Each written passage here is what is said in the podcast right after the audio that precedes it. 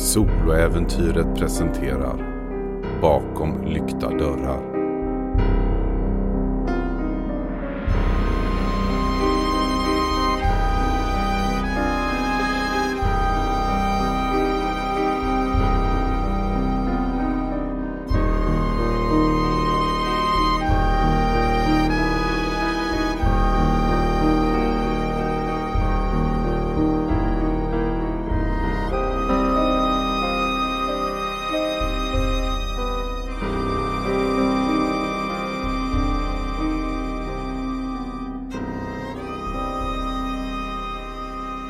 Säsong 5 Avsnitt 19 Getaway Car Sky befinner sig på St. Joseph i Marseille. Hon har tagit sig upp till hennes flickväns rum och fann där Clarissa och hennes far Carmen. När Carmen ställde Clarissa mot väggen så stormade Sky in och konfronterade honom. När hon fick en dansk skalle så slog hon inte tillbaka. Hon slog inte heller tillbaka när hans knytnäve träffade bröstkorgen. Hon försökte fly men blev omkullkastad. Hanna bestämde sig för att ingripa och fick honom att falla ner till marken och där på golvet så började hans kropp att förruttna. Sanna, jag tänker att vi inleder det här avsnittet med att du får slå ett skräckslag. Du får välja om det är ett chockartat skräcklag eller fruktansvärt när du ser henne med en handläggning få din flickväns far att helt onaturligt börja förruttna i ett accelererat stadium. Även om jag har sett en hel del konstigheter vid det här laget så tror jag ju tyvärr att det är ett fruktansvärt skräckslag. Varsågod och slå. Eh, vilken egenskap? Ego. Bara ego, ingen färdighet. Nope, inte för skräckslag. Åh gud. Varför gör jag så här mot mig själv? Tio. Det är ett ifrån ett marginellt lyckat resultat. Du kan ta tre skräcknivåer. Eh, Min allmänna skräckmätare är full. Då ska jag välja chock, galenskap eller stress. Ja, och eh, varje gång du får ett eller tre i någon så kommer du få ett tillstånd. Ja, eh, jag väljer att sätta ut dem i chock. Det innebär du kommer få två tillstånd. Mm. Börja och slå för det första. Jag står med en T6 va? Ja, Fyra. traumatiserad kan man ju säga definitivt att du blir av det här. Och det gör att det sätter djupa spår i din sociala förmåga att kommunicera. Du kommer att ha minus två på alla slag med interaktion så länge du har det här tillståndet. Du kan ta en bestående förlust i ego för att ignorera det för en scen. Mm. Jag slår en gång till. Ja. Ett. Du får även eh, tillståndet viljelöst. Allting blir för påfrestande. Det blir lättare att följa än att leda. Att eh, aktivt göra val och ta ledarskapsroll och sådant. Det kommer att ta en bestående förlust i utstrålning. Det här tillståndet varar över en scen också. Gäller det båda tillstånden eller bara den här? Bara den här. Okej. Du ser hur kroppen förruttnar inför dig i ett accelererat skeende och det ser inte naturligt ut för fem öre. Du hör Clarissas skrik i bakgrunden. Vad för tankar går igenom ditt sinne? Först och främst är smärtan väldigt närvarande. Jag tror att jag har eventuellt brutit ett revben eller flera. Huvudet dunkar av den danska skallen jag fick tidigare och, och av eh, hjärnskakningen jag redan hade sedan innan. Jag är illamående. Sen tänker jag på Clarissa. Jag drabbas av en, av en lätt panisk känsla. Även om jag vet att jag inte rörde Carmen så känns det ändå som att det är mitt fel att hennes far är död. Du känner plötsligt hur du, din kropp nästan lyfts upp från golvet och du kan se att det är Henna som verkar greppa tag i dig. Och hon eh, verkar med en förvånansvärd styrka ändå liksom dra dig uppåt. Kom, kom, kom, vi måste dra nu. Kom! Spökena är på väg. Jag kan inte hålla alla tillbaka här nu. Vi måste ut nu, nu, Sky. Du ser hon börjar försöka dra dig utåt, bort ifrån den förruttnade kroppen, bort ifrån den skrikande Clarissa. Hon får ju nästan dra mig också. Jag är ganska så skadad och medfaren just nu, men jag samarbetar. Jag vill också härifrån. Clarissa, ropar jag medan Hanna drar mig därifrån. Du hör ditt rop där och du kan ju höra också Clarissas skrik, gråt. För även om den här situationen var hemsk innan så är den så mycket hemskare nu. Hon har bevittnat sin far dö och det, det är ju trots allt inte det hon vill. Och du sista blicken du får av henne när du släpas ut av henne är ju Clarissas nästintill hysteriska gråt som eh, det är hjärtskärande att se. Du kan se hur Hanna kommer ut i gången och du kan ana längre bort ifrån andra sidan av gången att det verkar vara på väg folk hit. Men Hanna verkar pressa på och springa mot trapphuset. Jag följer efter Hanna. Eh, I och med mitt tillstånd också så är jag inte jättebenägen att avvika från hennes plan och idé här.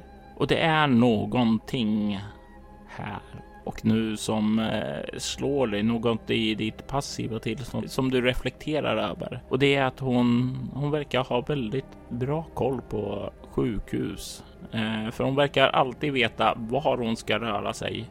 Det är nästan som hon liksom, okej, okay, stanna här och väntar, väntar och sen så fortsätter när det har dragit förbi en del sjuksköterskor och sådant och hon kommer till slut ned på nedervåningen och liksom spanar ut lite försiktigt där. Eh, verkar vända sig om emot dig där ni står på nedersta våningen precis vid dörren nere i trapphuset och hon vänder sig och säger okej, okay, vi behöver springa nu. Vi behöver springa ut. Tar vi oss ut så löser det sig.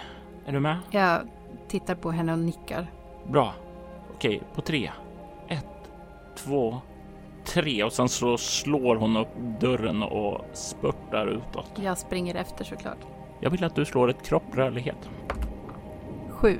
Du springer där och du är ju inte alls lika snabb som eh, Hanna. Det är ju som sagt var illamående från eh, danska skallen som påverkat säkerligen din hjärnskakning och rebenet som har gått sönder. Eller rebenet som troligtvis är brutet där. Och du kommer lite på efterkälke. Och du kan se hur en vakt tornar sig upp framför dig.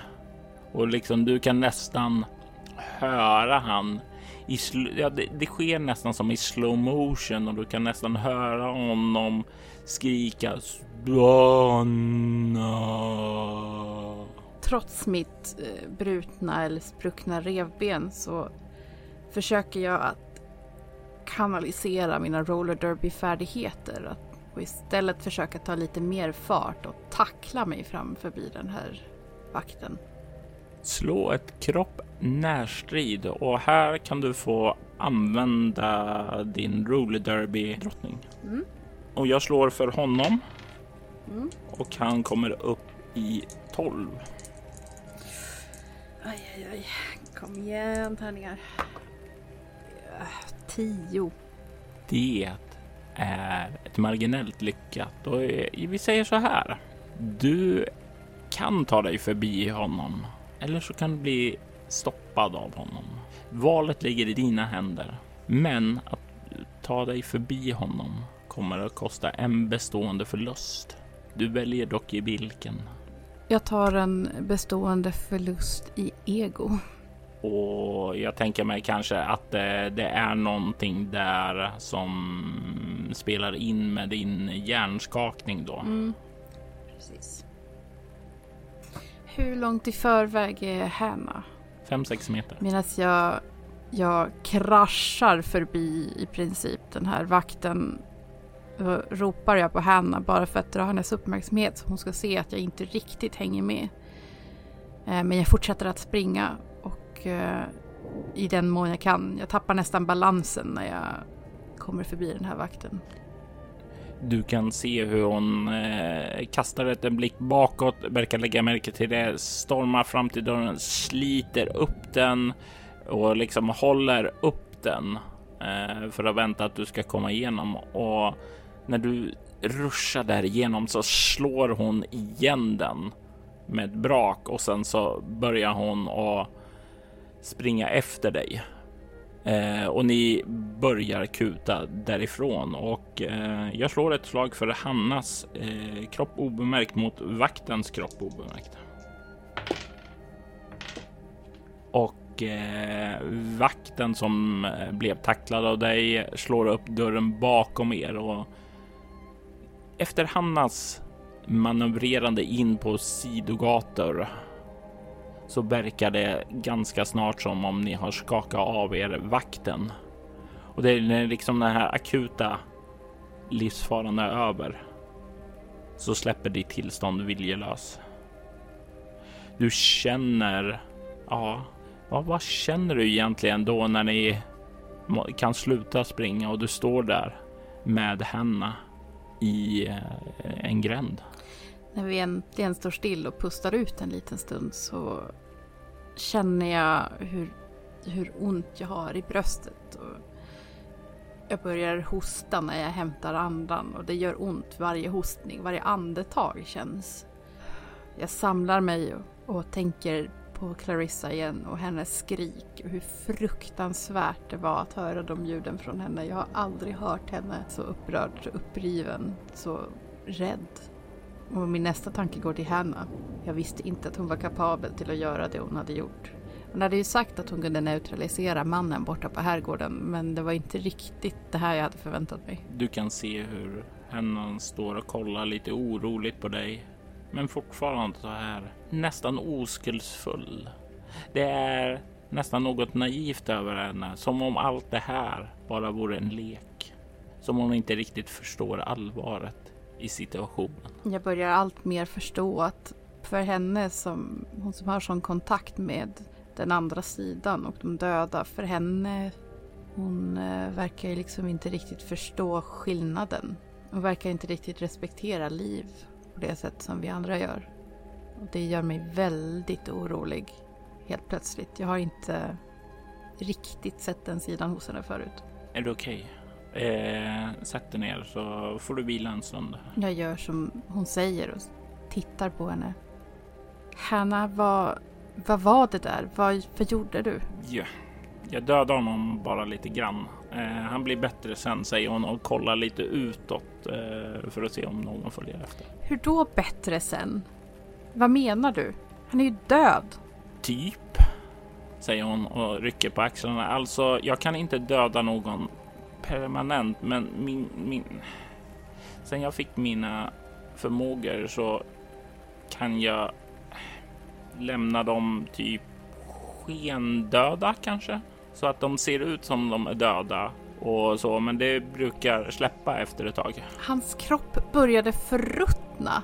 Hur kommer man tillbaks från det? Ja, det blir väl eh, som att spola det som... Tänk dig som när du spolar tillbaka en film bakåt. Det är väl typ så. Det börjar läka. Eller ja, typ. Jag vet inte hur det funkar. Jag vet bara att det gör det. Men det är praktiskt. Jag sätter mina händer i ansiktet. Liksom. Lite... Herregud, vad är det som händer egentligen? Jag... Hanna, det här är ju helt... Det här är ju helt vansinnigt. Det är, det är så det är. Det har varit så ett tag. Eh, jag brukar försöka låta bli att använda mina krafter, men det kändes som om jag ville skydda dig. Han, han såg ut och han gjorde illa dig. Och jag, jag kunde stoppa det. Och sen så bara spann allting ur kontroll innan jag fick en chans att säga. Hanna, Hanna, om du hade om du hade hämtat personal istället hade vi kunnat få honom inburad eller något istället. Han hade kunnat döda dig innan dess. Jag kan inte förlora fler vänner. Jag vet att hon har rätt. Han var mycket starkare än vad jag egentligen hade tänkt mig. Framförallt hade han mycket närmare till att förlora kontrollen än vad jag hade tänkt mig. Jag suckar djupt och tar mig för pannan. Clarissa då? Hur tror du att hon mår just nu? Hur tror du hon känner? Du kan se henne. Eh, vänta, vänta. Sen plockar hon fram mobilen och sen så börjar hon mässa någonting snabbt och sen så trycker hon sänd och sen så kollar. Okej, okay. eh, troligtvis inte så bra, men jag, jag jag, sakta åt henne att hennes far inte är död. Det borde ju få henne att må bättre, eller hur? Jag tror inte det. Jag tror inte att hon kommer må bättre efter vad hon såg. Men... Efter vad jag såg. Vi... Men, men han... Han är ju inte död på riktigt. Nej, men... Uh, att se det vi såg. Det är traumatiserande nog. Tänk dig då sen när Clarissa ser, ser hela processen bara vändas om. Det är ju inte heller normalt. Men jag, jag, jag såg det som liten. Det var inget konstigt. Och du kan se hennes röst blir så här osäker och du kan se att eh, ja, du kan faktiskt slå ett eh, lätt slag med utstrålning kameleont. 13. Du kan se att hon verkar känna sig skamsen, tvivlar på sig själv, som hon känner sig missförstådd utanför. Gamla känslor väcks till liv där. Jag lägger en hand på hennes axel. Alltså jag vet att du, du ville ju bara... Jag förstår att du egentligen bara ville väl, men jag förstår att du ville rädda mitt liv men sånt här får konsekvenser för, för alla runt omkring. Hon kollar ner i marken och vågar inte riktigt möta din blick. Du kan se den första tåren börja rinna ned för hennes kind. Sedan kommer den andra, den tredje. Jag lägger armen om henne och kramar om henne. Och det är där som det brister för henne. Det blir för mycket och störtfloden kommer. Hon gråter. Gråter hejdlöst. Det, det är okej Hanna. Jag, jag vet ett och annat om att agera i affekt. Eh, du minns vad som hände med Everett? Hon börjar försöka samla sig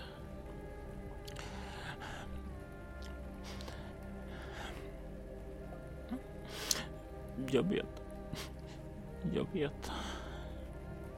Och du kan se hon släpper lite greppet om det, tar upp ärmen och börjar torka ut tårarna. Hennes kajalsminkning liksom dras ut när hon gör det. Förlåt, förlåt, förlåt. Jag ville bara hjälpa. Alltså, självklart Hanna, själv... Självklart förlåter jag dig. Jag... Förlåt för att jag ifrågasatte. Jag förstår ju självklart ville du bara hjälpa mig. Jag förstår. Jag är tacksam, okej? Okay? Hade du inte... Hade du inte lagt dig i så hade kanske jag varit död nu. Det är okej, okay, Hanna. Hon ger dig en lång, varm kram. Och du känner det, den är väl kanske lite för att trösta dig. Men egentligen så är det mest för att trösta henne. Mm, krama lite försiktigare. Aj, aj, aj. Oh, förlåt, förlåt, säger hon och släpper greppet och ser helt förfärad. Det är okej. Det... Jag tror jag spräckte ett till revben när jag tacklade den där vakten. Okej, okej. Vad, vad, vad gör vi nu? Vi får åka, vi måste åka tillbaks till hotellet. Vi måste prata med Katie, tror jag. Hon, hon väntar väl på oss. Eh, kanske bättre om vi ringer henne och ber henne komma hit om, om, om de letar efter oss på hotellet. Det är en väldigt bra tanke. Så gör vi istället. Hon plockar upp telefonen och kliver undan för att ringa ett samtal till Katie och be henne komma. Och du blir ensam där med dina tankar för stunden. Tankarna om hur ni ska ta er in i herrgården och hantera den situationen. Det var ju redan innan allt det här bröt ut. Då var det kanske lite tvivel och sådant när du var i bättre form. Men nu, nu är det ju värre. Hur känns det att ta sig an en uppgift när man är i urform som du? Jag är inte bara ur form, jag är i dålig form. Tidigare kände jag mig ganska hoppfull för vi hade ju egentligen bara en uppenbar vakt att förhålla oss till. Men eh, med sprucket revben och snurrig skalle så jag känner att mina chanser att klara av det här sjunkit drastiskt. Och jag känner mig tacksam ändå för att vi har Katie som ju verkar vara kapabel på sina egna sätt. Men jag önskar verkligen att min kropp var mer i spel. Du liksom står och reflekterar över det där så glider ditt sinne iväg till eh, filerna som du såg i drömmen. De här filerna som var ifrån professor Fords första expedition ner till Amazonas. Du fann ju filer där och du fann en fil på en person som var klassad som allierad, eller hur? Det gjorde jag. Någon vid namn Jackpot. Och det är nu som polletten trillar ner. Mannen som stod där utanför. Det är Herr Pott. Du minns det nu. Han ser lite äldre och lite mer biffig ut. Men det är han som stod där ute och sköt på bakgården. Jackpot säger jag högt. Eh, Henna sänker telefonen. Va? Jackpot! Mannen, gevärsmannen. Utanför herrgården. Jag vet vem han är. Eller ja, jag vet vad han heter. M- Vänta nu, var inte det typ en av eh, de här, hon kliar sig lite i huvudet, eh, expeditionsmedlemmarna på en av hans resor va? Precis. Jag insåg precis att det, det är samma man som i den filen. Lite äldre, men det är han. Definitivt han. Okej, det betyder ju att vi kan väl nästan bekräfta då att det är den här eh, Jeremiah Ford som ligger bakom kidnappningarna då. Allt pekar på det. Allt. Vad var det mer det stod i de där filerna? Var det fler expeditionsmedlemmar? Jag tänker om det var någon annan som var på hans sida där så kanske de är där också. Jag minns inte några fler som stod märkta som allierade. Men jag minns en man som hette David McAvire. Någonting sånt där. McEvains ja. Nu, nu. Ja, precis, precis. Det stod att han var på flykt så det låter som någon som inte längre är allierad. Okej. Okej. Om han är på flykt så kanske han kan vara in- intressant för oss. Kanske kan han ha information om den här Ford och om gården. Jag skulle kunna försöka att drömma om honom. Det tar ju tid då förstås. Men jag skulle kunna försöka sova i bilen. Hur lång tid tog det att köra ut i herrgården? 45 minuter, en timme. Hinner du det, Hanna? Jag kan eh, somna på några sekunder. Så det borde vara nog. Okej, då gör vi så. Eh, vad sa Katie? Eh, hon kommer, hon kommer. Hon sa åt oss att eh, vara beredda. Återigen, jag, jag, jag ber så mycket om ursäkt för tidigare och jag hoppas inte jag har ställt till det mellan dig och Clarissa. För det, det var aldrig min tanke. Jag tror att du framförallt kan ha ställt till det mellan um, Clarissa och hennes uh, far. Hej, det var inte jag som började, säger hon. Nej, men det var du som lämnade honom som ett förruttnande lik. Jag skrattar lite. Jag kan inte låta bli situationens absurdism. Men han blir faktiskt bättre, säger hon och ställer som är händerna i sidan. Ja, ja, nej. Men jag tycker inte de hade ett hälsosamt förhållande som det var, säger hon lite så här lite. Eh, lite så här surmulet, men också lite på skoj.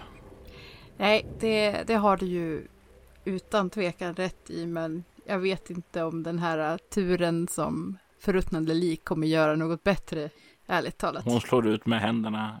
Han kanske får ett nytt perspektiv på livet. Han var i alla fall charmigare som lik. Hon skrattar åt det absurda, det skämtet. Alltså, det är ju lite galghumor här, men det, det är någonting där som känns skö. Det känns skönare att skratta än att gråta och känna ångest. Det dröjer kanske en kvart innan bilen stannar till utanför gränden. Vi eh, kliver ombord bilen. Jag sätter mig i eh, framsätet. Med tanke på att jag har ont överallt känns det som det rimligaste stället. Och... Jag tänker här att du ska få slå ett slag. Ett eh, utstrålning kameleont ett rutinmässigt sådant. Eh, bara för att se om hen tolkar det här som att de facto det du säger eller som att du tar lite avstånd från henne. Elva. Ja, men det är, hon, hon, hon har full förståelse för det och tar inte illa upp. Utan du sätter dig fram och eh, henne hoppar in där bak och nästan lägger sig direkt ned på sätet och hon hinner knappt slå ner med huvudet mot sätet innan hon de facto sover. Katie kollar bakåt, lite höjt ögonbryn och sen så ser hon på dig och säger Okej, okay. eh, jag skulle vilja kolla över dig när vi kommer ut ur stan. Kolla över mig? Hur, hur menar du? Eh, jag vill kolla över... Du ser väldigt, väldigt illa där ut. Behöver kanske justera näsan där också. Ja, jag har, jag har ju helt klart varit i bättre form. Hosta lite. Hon startar bilen när ni börjar köra utåt. Eh, så vad hände? Han var inte så där jätte mm, tydlig. För att göra en väldigt, väldigt lång historia väldigt kort. Um, Clarisses far och jag kom inte riktigt överens. Så Hanna fick kliva emellan och eh, lämnade honom temporärt som ett ruttnande lik. Oh. Japp. Jag tittar ut genom fönstret och tar mig för pannan igen. Det är, det är helt... Det är så absurt allt det här. Du kan höra Katies tröstande ord som säger Mm. Men uh, du kommer vänja dig vid det. Det gör vi alla. Hon lägger liksom handen på din axel också. Jag vet inte hur tröstad jag egentligen känner mig av det, men, men jag uppskattar gesten i alla fall. Ja, du verkar befinna dig i en bilen tillsammans med två individer som har gått i din klass. Som verkat vara helt normala tonåringar. Den ena en sprallig eh, tjej som har varit lite konstig men eh, ändå ganska trevlig. Och sen har du den här blyga plugghästen som har hållit sig för sig själv. Ingen av dem kan du längre se med riktigt samma blickar där. Å andra sidan är ju inte jag heller helt fri från märkliga krafter. Absolut inte. Ingenting är som det var i skolan. Tiderna förändras. Och så måste även du göra. Är det någonting som skrämmer dig i Sky? Det brukade inte skrämma mig. Men det är så... Det är så mycket som är främmande för mig. Jag kan inte säga att jag känner mig helt bekväm med allt det här. Allt det här konstiga, allt det här övernaturliga. Det, det säger att man vänjer sig. Och så är det väl säkert också. Men just nu, Just nu så skrämmer det mig. Ni kommer ur Marseille och åker ut på landsbygden. Och eh, vid första rastplatsen så svänger Katie av och parkerar där. Hon eh, kliver ur bilen och verkar gå bak till bagageluckan för att plocka fram en första förbandslåda. Kommer sedan runt till din sida, öppnar dörren och säger Låt mig ta en koll. Och jag låter henne. Och jag berättar också om, eh, om vad det är Hanna gör nu. Jag berättar att efter att vi kom ut ur sjukhuset så mindes jag någonting från när jag besökte herrgården i min dröm. Jag vet vem mannen med geväret är. Vi hittade hans namn i en mängd filer. Han var med i en av Jeremiah Fords expeditioner. Och eh, det fanns flera namn i filerna där och en av dem verkade vara någon som kanske inte längre arbetar för Ford. Hanna är just nu förhoppningsvis i hans drömmar för att försöka få mer information om Ford och vad han håller på med där i herrgården. Mer information skadar aldrig. Jag hoppas att det här kan gagna oss. Det hoppas jag också. Du kan se hon sätter sig lite på huk och börjar öppna förbandslådan och sedan så kollar hon upp mot dig, väntar på ungefär att få ett godkännande för att börja göra en liten undersökning av dig. Jag nickar lite till svar. Och hon sätter igång och börjar arbeta på dig. Det är inte riktigt samma ömma handlag som Clarissa brukar ha när hon plåstrar om dig. Men det är fullt funktionellt. Du kan få tillbaka en bestående förlust i kropp. Mm, det är antecknat. Så det borde, borde hjälpa lite i alla fall. Jag gissar att vila är det bästa. Men jag gissar att vi inte har riktigt den tiden för det. Du gissar nog helt rätt tyvärr. Jag ler lite snett. Hon ler tillbaka, reser sig upp och börjar köra fram till platsen och parkerar där på samma ställe som ni parkerade förut. Och det är då som ni kan höra från baksätet. Mm. Jag fick tag i ett telefonnummer. Jag tror det leder till honom. Ett telefonnummer?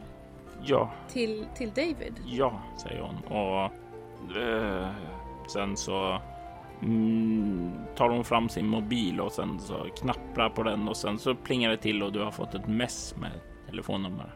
Vad är det för tid på dygnet just nu? Sen eftermiddag. Det har inte riktigt blivit kväll ännu. Eh, ni kom ju ut lite tidigare på grund av oförutsedda händelser. Det betyder också att jag har tid att ringa ett samtal. Det har du. Eh, jag tittar på Hanna och jag tittar på Katie. Okej, okay, here goes nothing. Jag trycker på grön lur. Du hör den första signalen gå fram. Den andra. Den tredje. Den fjärde. God, ha, god, god kväll. David här. Uh, eh, Mr McAvey? Uh, McAveins. Ja, det stämmer. Vem talar jag med? Mitt namn är Sky Summers och uh, det här kanske låter konstigt men uh, vi kanske har en gemensam fiende. Jag lyssnar.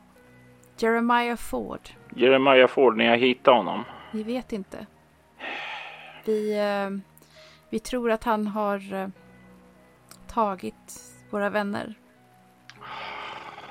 Okej. Okay. Eh, ja, det vore inte första gången. Eh, han flydde från fångenskap. Vi har letat efter honom sedan dess men inte funnit honom. Så om ni kan hjälpa till med information om var han kan finnas så skulle jag uppskatta det. Betyder namnet Jackpot något för dig? Jackpot? Ja, det betyder någonting för mig. Och du kan ju höra att hans röst förändras. Och du kan se att den verkar mer agiterad av att höra det. Som om det finns en historia där. Vi har anledning att tro att våra vänner hålls på Jeremiah Fords herrgård utanför Marseille. Jackpot vaktar herrgården och vi tänker ta oss dit. Vi har anledning att tro att våra vänner hålls i hans herrgård utanför Marseille och Jackpot vaktar herrgården. Var extremt försiktig. Jackpot har dödat en vän till mig redan. Jag skulle hata att se att han dödar någon fler.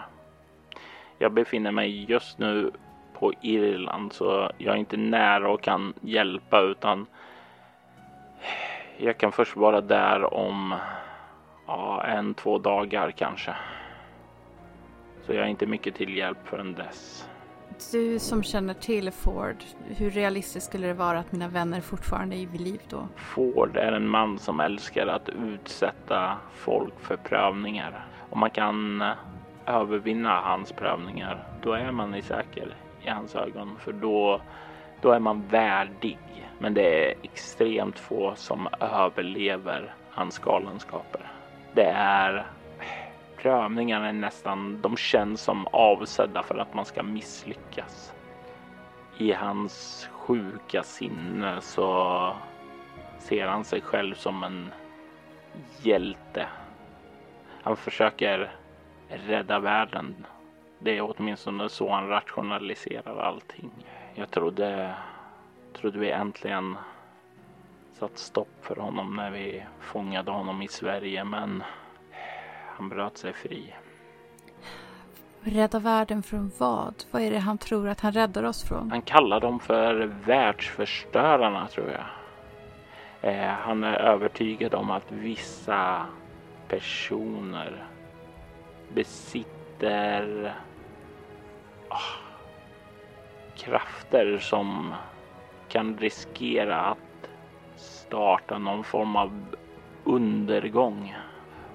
Genom hans prövningar så hoppas han att finna ett sätt att se om, ja, om de är ett hot så dör de.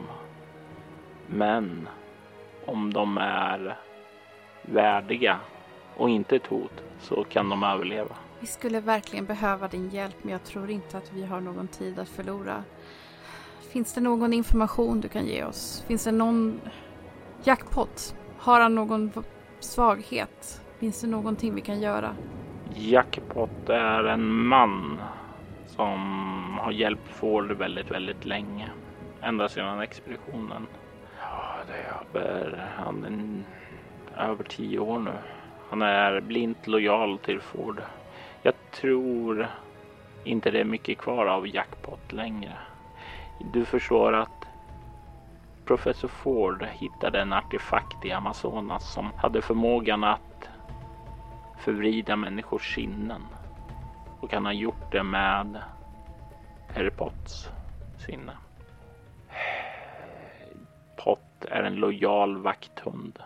Kapabel både att ta hand om sig själv i närstrid och avståndsstrid. Han är snabb, uppmärksam. Men han är också människa med allt vad det innebär. Det finns en del individer som kan göra saker. Jag eh, är bekant med en del vikaner eh, som jag kanske skulle kunna kontakta och se om det finns några i närheten av Marseille. Kanske kan de kasta en besvärjelse som får honom att somna. Men jag kan inte garantera det. Men de här människorna som besitter andra sätt att hantera problemen, hantera världen på, de är han sårbar för. Som av en händelse så har jag några sådana med mig. Utmärkt. Då tänker jag som så att eh, jag kommer bege mig tillbaka till Chateau Ford oavsett. Vi får väl se om vi ses där framöver. Finns det något mer jag behöver veta om herrgården? Det finns celler nere i källaren. Men jag vet också att vägen dit ned kan vara minerad av diverse fällor. Det var det när jag var där sist. Så om ni beger er ner dit Var försiktig. Vem vet vad för helvetisk mardröm som har planterats där. Med ens minns jag drömmen som jag såg när Miss Fisher visade mig Nathalies drömmar.